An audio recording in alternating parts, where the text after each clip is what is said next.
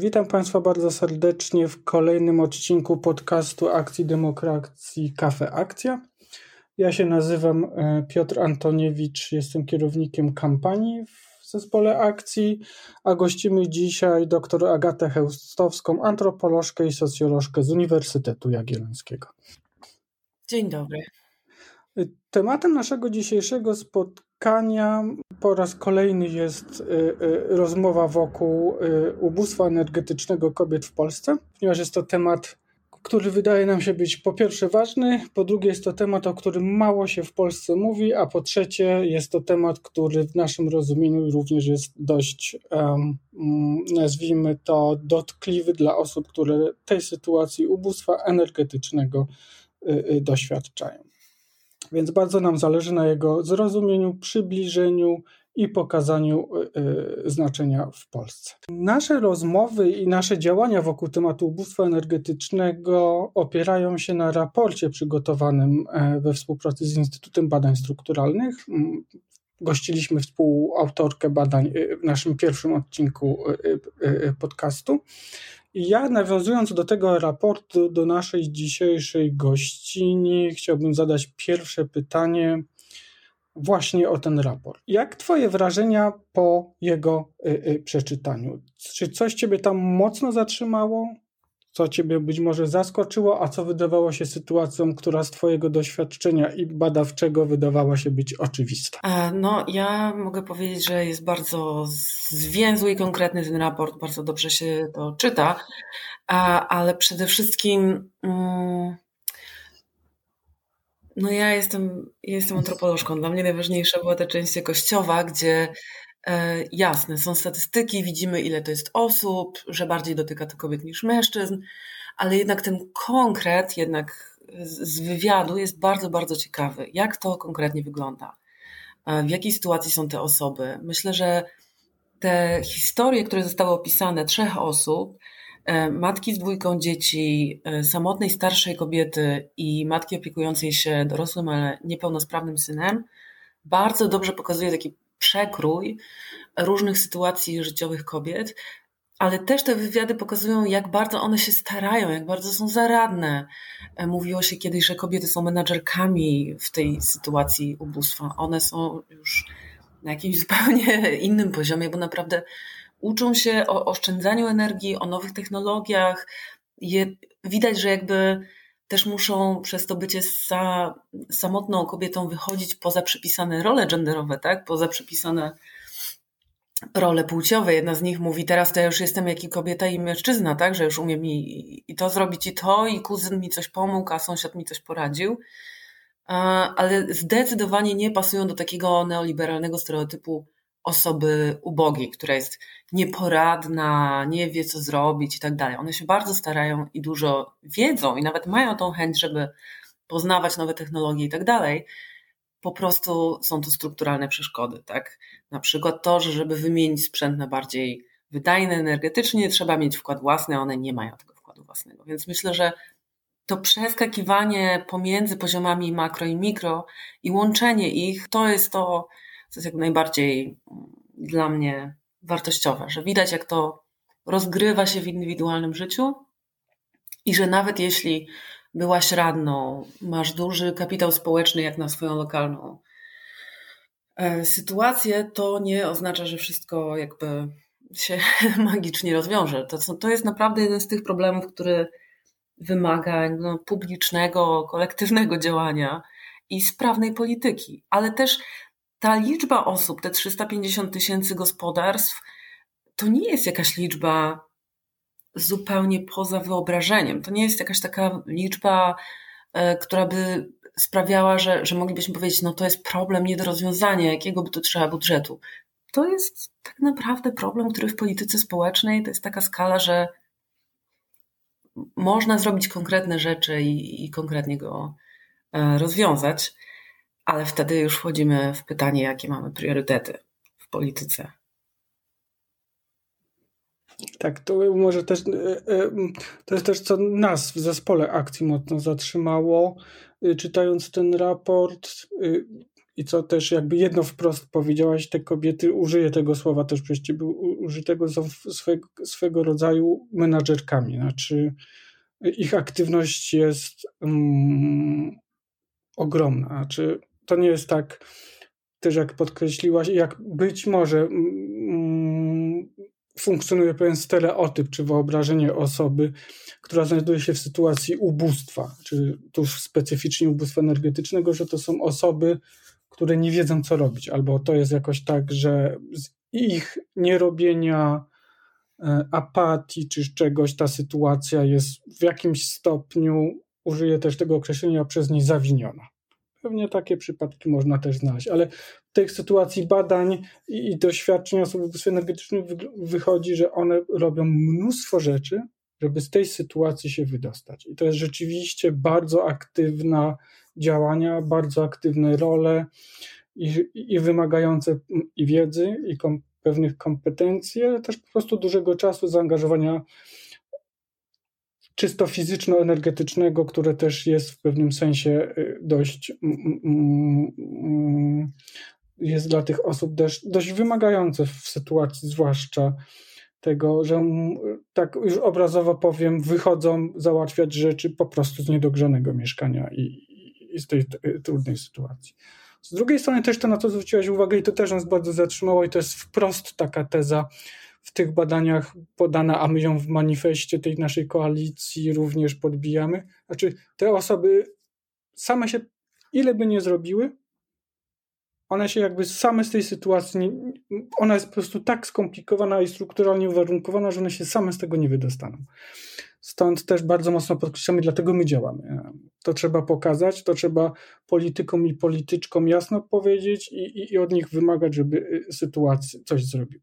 Ale wracając troszkę do tych strukturalnych rzeczy i tego, dlaczego to ubóstwo energetyczne w Polsce, mm, my się skupiamy na kobietach.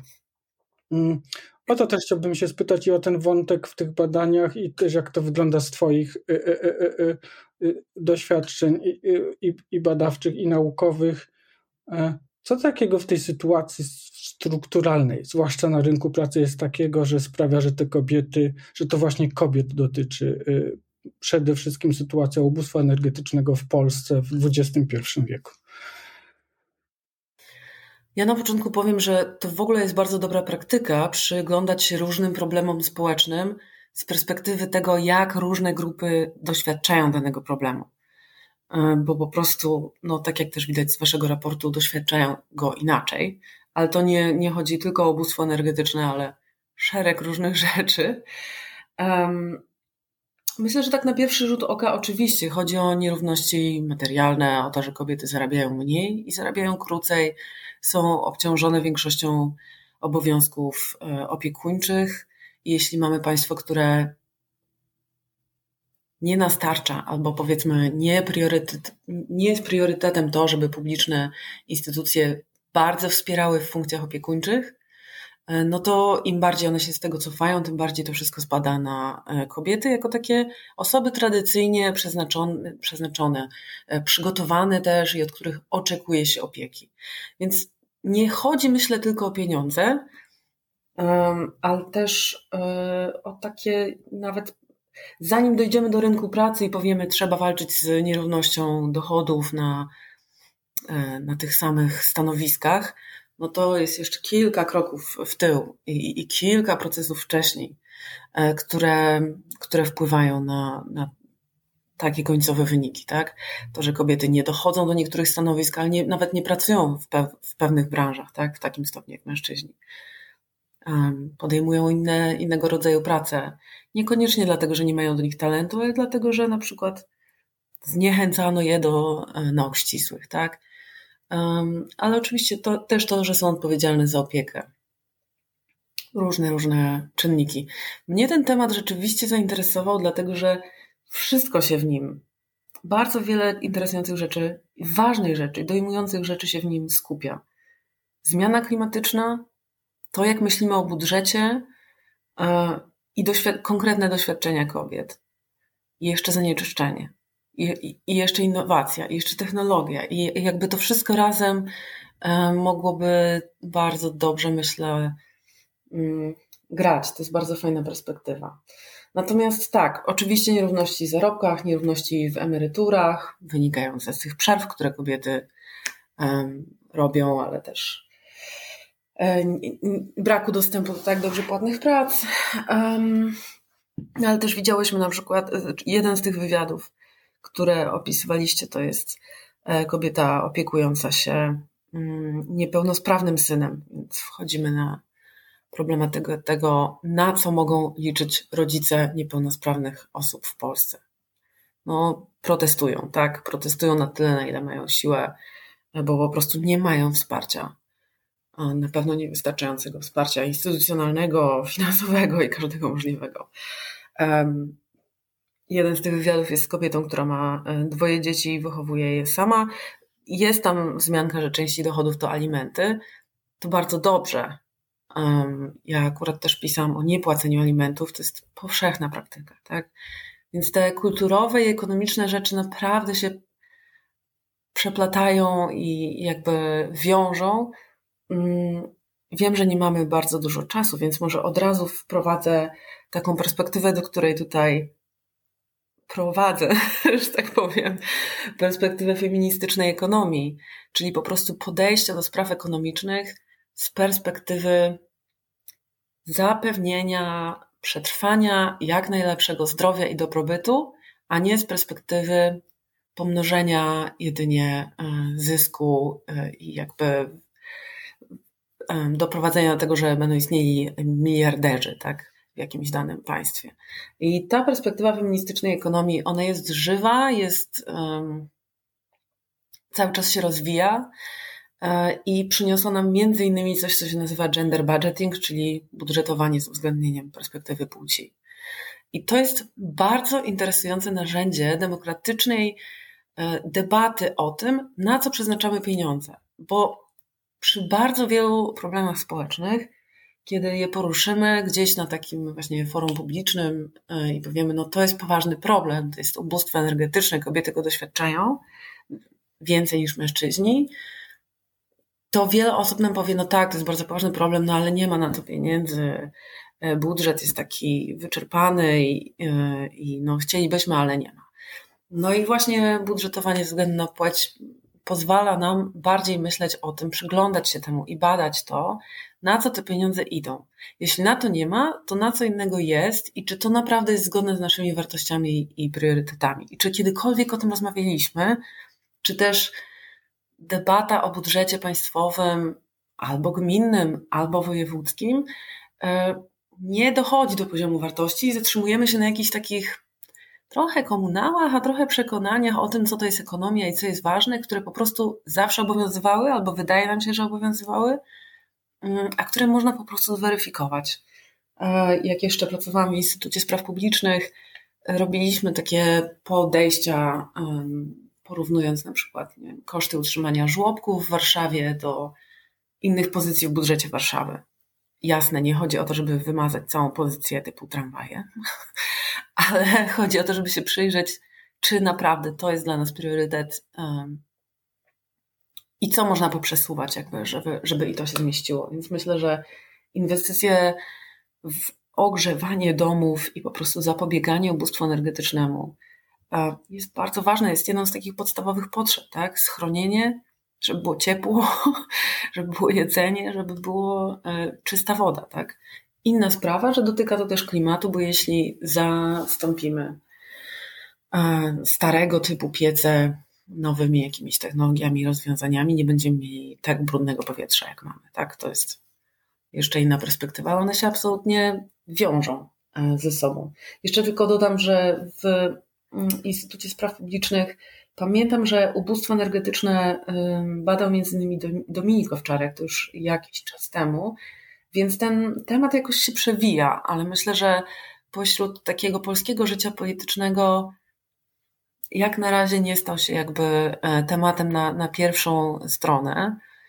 Mm, no i tak, pewnie, pewnie takich problemów jest bardzo dużo. Myślę, że perspektywa feministycznej ekonomii dużo mogłaby zmienić. Y, wiem, że y, dr Dorota Szelewa mówiła też o ekofeminizmie. Myślę, że można by to tak połączyć i zastanowić się, gdybyśmy zakładali, że celem państwa jest zapewnić jak najlepszy byt wszystkim, którzy tu mieszkają i środowisku w ramach tego państwa, to jakby to zmieniło nasze spojrzenie na budżet, na technologię, na to, kto dostaje co i co powinno iść pierwsze, tak? które, które potrzeby powinny być pierwsze. Pozwolę sobie na uwagę, że to jest super inspirujące. W sensie mm, jakaś ten budżetowanie, ekonomia feministyczna i spojrzenie na budżetowanie jakoś to jest rzecz, którą gdzieś kiedyś e, e, obserwowałem, doczytałem mniej więcej, ale to jest super inspirujące, że w kontekście tych badań taki wątek wypływa. Znaczy, to rzeczywiście też jest tak, że um, to ubóstwo energetyczne z tego wyższego poziomu, czy to nazwijmy strukturalnego, rzeczywiście jest tak, używać tego określenia, jak myślimy o budżecie, tak i to rzeczywiście, że ta perspektywa ekonomii feministycznej, która pokazuje, że to myślenie o budżecie nie jest myśleniem neutralnym.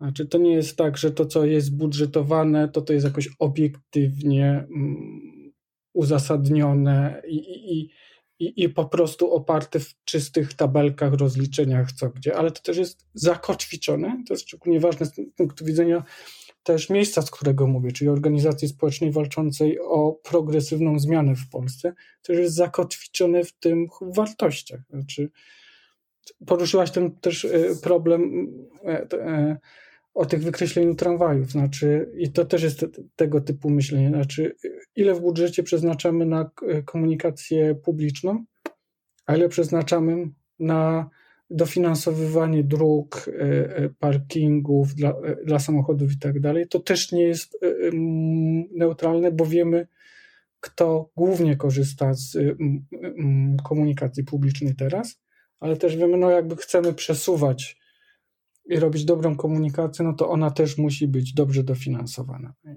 Też w kontekście tych ostatnich pomysłów naszego rządu o tych bezpłatnych autostradach i tak dalej, to też jest tutaj temat. Ale chciałbym jeszcze y, zahaczyć, y, i, to jest cały wątek, który jest do rozwinięcia, ja go sobie w głowie zostawiam, bo jest, jest szczególnie też mnie inspirujący i wydaje mi się być w tym kontekście również ważny. A my na ten nasz projekt nie kończymy na manifestie przygotowanym, jakimś apelu i naszych rozmowach, ale też oczywiście myślimy, co z tym dalej zrobić, żeby on się znalazł na tych pierwszych stronach gazet, no bo to rzeczywiście Polska XXI wieku, gdzie cierpi się po prostu chłód, mm, jest nie do przyjęcia, ale też ta perspektywa, że nawet jeśli nie mówiło się głośno o tym teraz, w tym okresie, okresie grzewczym, że ta sytuacja rzeczywiście się pogarsza i, i, i, i, i ma nowe wymiary, no to wiemy ten 2024 nie, nowy okres grzewczy, on najprawdopodobniej będzie jeszcze trudniejszy pod względem cen, dostępności, i tak dalej. Ale chciałbym jeszcze się zahaczyć na chwilkę i skorzystać z Twojego wykształcenia i pracy antropolożki, pracy antropologicznej i się dopytać, jak to jest z tym, jakoś troszkę rozpakować może to oczeki, bo oczekiwania dotyczące tego, że to kobiety mają sprawować opiekę. Mm, jak może byśmy w tą stronę sięgnęli, jak to, jeśli, mm, mm, jak to w doświadczeniu może wyglądać, ale też e, czy, czy znajdujesz jakieś takie przykłady na to, że ta sytuacja się zmienia i rzeczywiście ta zmiana mm, z punktu widzenia mm, kobiet mogłaby być nazwana jako zmianą na lepsze, poprawą? Wiesz co? Mm, Wiem, że istnieją badania o tym, że zmieniają się nastawienia do opieki, zmieniają się nastawienia, czy nasze ideały tego, jak ma wyglądać ojcostwo i macierzyństwo. Natomiast e, wiem, że też na pewno, że mężczyźni, którzy dzisiaj są dorośli albo w średnim wieku, robią znacznie więcej niż ich ojcowie. Jeśli chodzi o gotowanie, przewijanie, odprowadzanie um, dzieci do szkoły i tak dalej. Natomiast ta asymetria pomiędzy czym po prostu w feministycznej ekonomii to się nazywa pracą reprodukcyjną, czyli opiekuńczą między innymi, nadal jest bardzo duża. Pandemia tego nie zmieniła, a przeciwnie sprawiła, że kobiety, które na przykład przeszły na pracę zdalną, straciły tylko czas wolny dla siebie, ale nie, nie robią mniej w domu, ani nie robią mniej w pracy.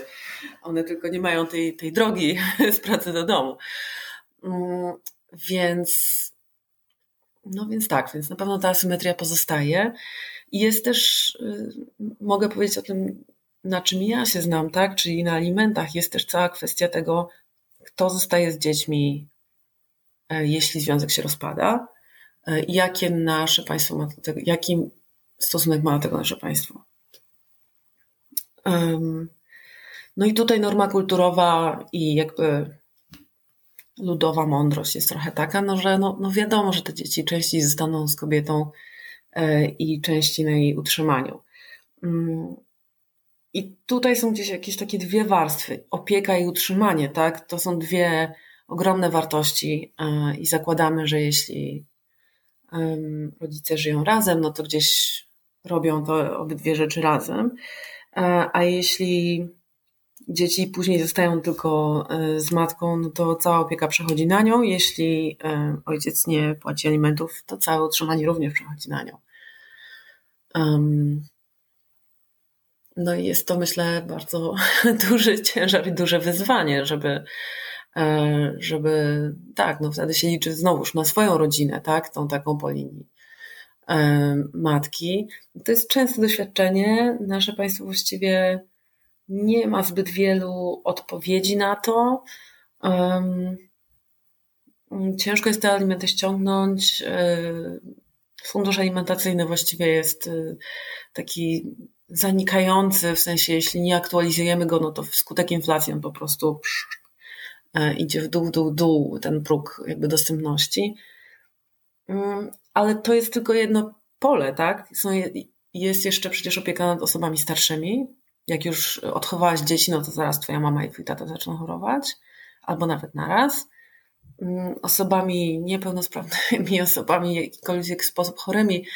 I myślę, że ta perspektywa, mm, w której mówimy o takim homo economicus, takim samodzielnej jednostce, która jest zdrowa, silna, y, niezależna i żyje sobie jak taki robocik samotny, no jest bardzo po prostu daleka od rzeczywistości. I ja jakby wolałabym patrzeć na człowieka jako um, istotę cały czas um, żyjącą we współzależności z innymi, potrzebującą opieki, regeneracji, podupadającą na zdrowiu, wracającą do tego zdrowia e, istotę, która ma gdzieś młodość, gdzieś ma starość, gdzieś pomiędzy ma ten najbardziej, powiedzmy, silny okres, e, ale tak, że, że to nie jest wyjątek, e, to potrzebowanie opieki, że my wszyscy potrzebujemy opieki, potrzebujemy siebie nawzajem i że nawet, myślę, osoby, które mieszkają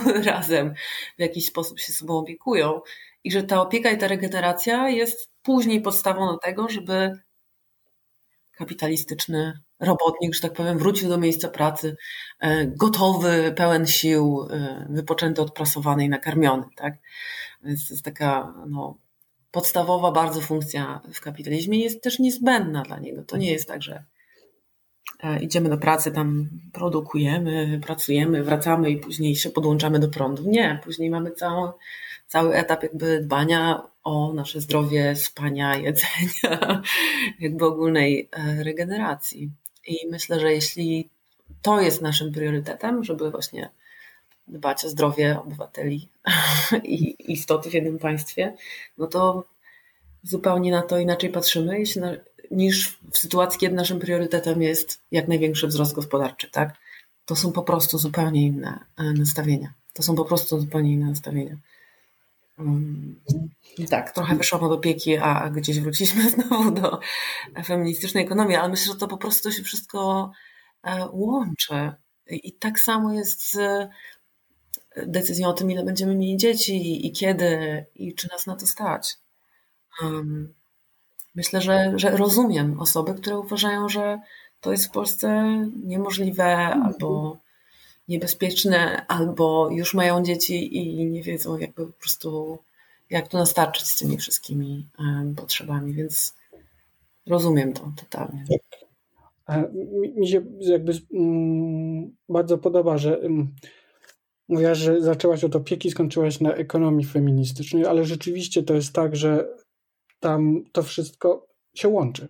I to wszystko jedno w drugie. I rzeczywiście chyba też jest tak, zostawiłaś mi jeden pomysł w głowie do sprawdzenia, znaczy wcześniej o tym nie pomyślałem, że dałoby się sprawdzić, ile e, kobiet pozostających w sytuacji ubóstwa energetycznego, doświadczających tej sytuacji, ile procent z nich e, jest osobami samotnie wychowującymi dzieci i przysługują im alimenty, i ile procent z tych, którym przysługują alimenty, rzeczywiście je otrzymują, no bo ta sytuacja też jest tutaj e, wyjątkowa.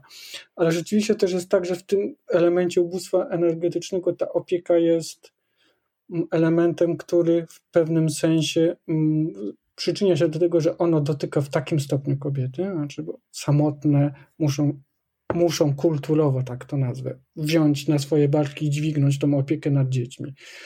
Mm, muszą dźwignąć też przede wszystkim chyba w polskim doświadczeniu, to oczywiście nie chcę negować wszystkich tych doświadczeń męskich, które również są y, w tym, ale jakby badania też pokazują, opieka nad y, osobami z niepełnosprawnościami też jakoś jest po stronie kobiet. Chyba też nie przypadek, że te ostatnie protesty wokół różnych postulatów osób z niepełnosprawnościami mają przede wszystkim również twarz opiekunek e, i, i ta, te rzeczy.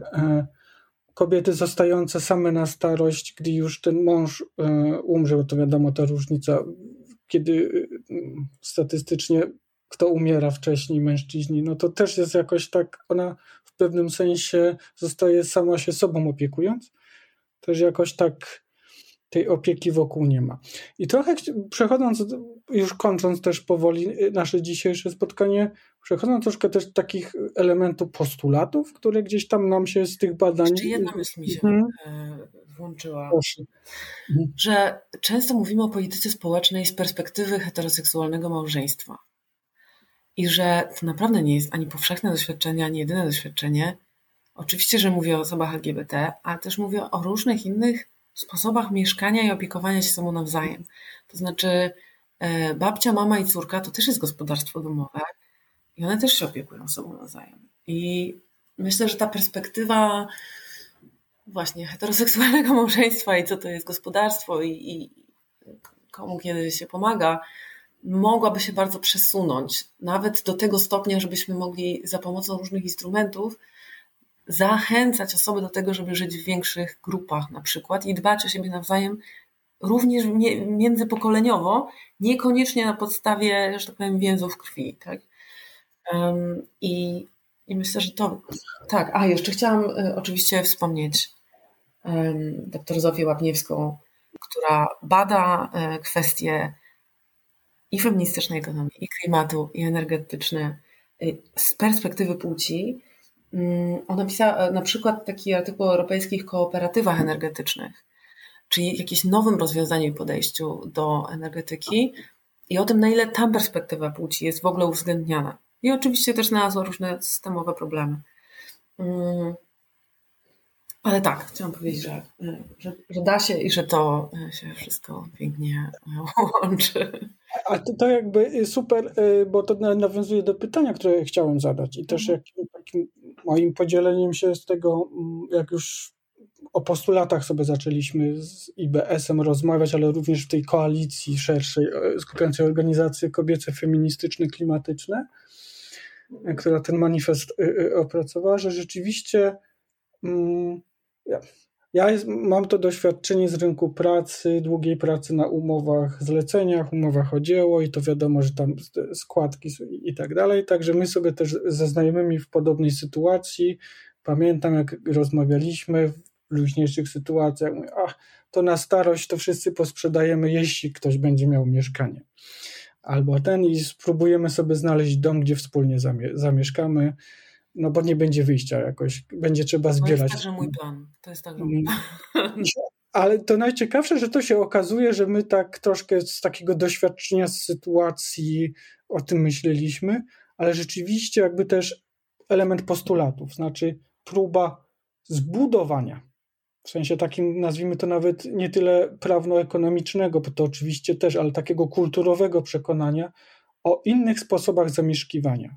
Znaczy, że mm, samotne starsze kobiety, no, one przeżywają dłużej niż mężczyźni, jakby stworzeniem, ja użyję tego słowa, chociaż nie wiem, czy będzie dobre w tym kontekście, takiej komuny wspólnie zamieszkującej jedną przestrzeń, gdzie one mogą w pewnym sensie wnieść um, zasoby, tak brzydko powiem, jakie może w życiu udało im się zgromadzić, e, czy to pieniężne, czy po prostu też kompetencje, umiejętności, że to, to jest też element rozwiązania sytuacji ubóstwa energetycznego. Znaczy, bo u nas ubóstwo również wiąże się z tym, zamieszkiwaniem, w dużym skrócie powiem, za dużych mieszkań, czy za dużych domów, które są już po prostu też y, y, y, wymagają remontów i ciężko je dogrzać, mając takie, a nie in, inne pieniądze. Ale też my zostajemy trochę w takim pomyśle e, nie tylko, że rodzina, co też jest, a jak rodzina nie, no to zostajemy sami, ale też takim pomyśle, okej,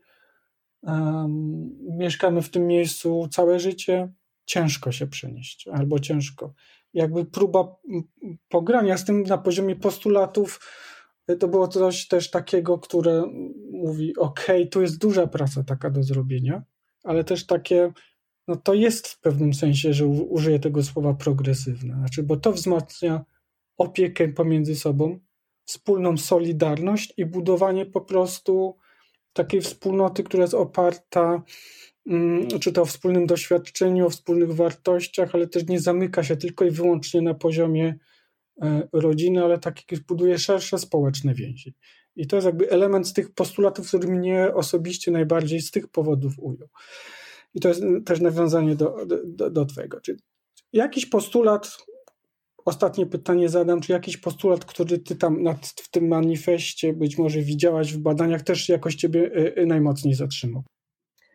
Ja to zwykle, jeśli mam postulaty, to je kieruję. Ja się bardzo dobrze czuję jakby z takimi raportami, które się kończą e, rekomendacjami dla instytucji publicznych. E, alternatywne formy zamieszkania super, ale jakby one wszystkiego nie zmienią, e, a tymczasem trzeba dogrzać budynki, zapewnić po prostu każdemu schronienie i inwestować po prostu w nowe sposoby pozyskiwania energii. Czy to są, czy to jest wiatr, czy słońce, czy, czy jeszcze um, inne formy. No, myślę, że, że, że to jest temat, który naprawdę musimy się przygotować na zmiany klimatu. One już nadeszły. E, nawet jeśli patrzymy czysto kosztowo, zapobiec y, tym, tym szkodom, tak? No, także myślę, że ten dobrostan y, ludzi i przyrody po prostu coraz bardziej jest połączony I, i myślę, że ta perspektywa, że no albo ekologia, albo tam właśnie dobrostan ludzi jest zupełnie już widać, że jest jakby prze, przestarzała. Więc tak, głównie bym pewnie adresowała E, postulaty do władz publicznych i, i naciskała na dofinansowanie mm, dogrzewania budynków, zmieniania ich e, systemu ogrzewania, ale też budowania, budowania, budowania. Takich od początku, bo jeśli budujemy od początku, możemy pomyśleć, jak to zrobić zgodnie jakby z, ze sztuką, żeby były jak najbardziej energetycznie wydajne. E, bardzo dziękuję za, za, za, rozmowę. Dzisiaj naszą gościnią była do, e, doktor Agata Hełstowska z Uniwersytetu Jagiellońskiego. Udało nam się, mam wrażenie, połączyć bardzo dużo wątków, ale też pokazać, jak ten problem ubóstwa energetycznego jest mocno opleciony nie tylko sieciami e, uwarunkowań strukturalno-ekonomicznych, kulturowych, ale też naszego sposobu patrzenia na świat i myślenia o ekonomii. Znaczy ten wątek ekonomii feministycznej rzeczywiście bardzo mocno tu wybrzmiał i związany z nim dofinansowania opieki, ale jest też powiedziałbym takiego budowania modelu społeczeństwa opartego o wzajemną troskę, opiekę, budowanie sieci wsparcia, i ten wątek gdzieś na koniec się ekofeministyczny również pojawił, czyli połączenia z przyrodą, myślenia, że troska, wsparcie i, i też nie, jest jakby zaklęta tylko do wspólnoty ludzkiej, ale też do naszego bycia w świecie i obecności e, z przyrodą. To dzięki wielkie i mam nadzieję, że gdzieś jeszcze na tych ścieżkach rozwikływania, adresowania i rozwiązywania problemu ubóstwa energetycznego kobiet w Polsce uda nam się spotkać. Dziękuję bardzo. Dziękuję. A wszystkich nasze słuchaczki i słuchaczy zapraszam do wysłuchania się, jeszcze tego nie zrobiliście, poprzednich e, odcinków podcastów o ubóstwie energetycznym i do śledzenia na bieżąco e, Kafe Akcja, mm, ponieważ będziemy tam poruszać aktualne sprawy związane z sytuacją i z e, ulepszaniem Polski. Do usłyszenia.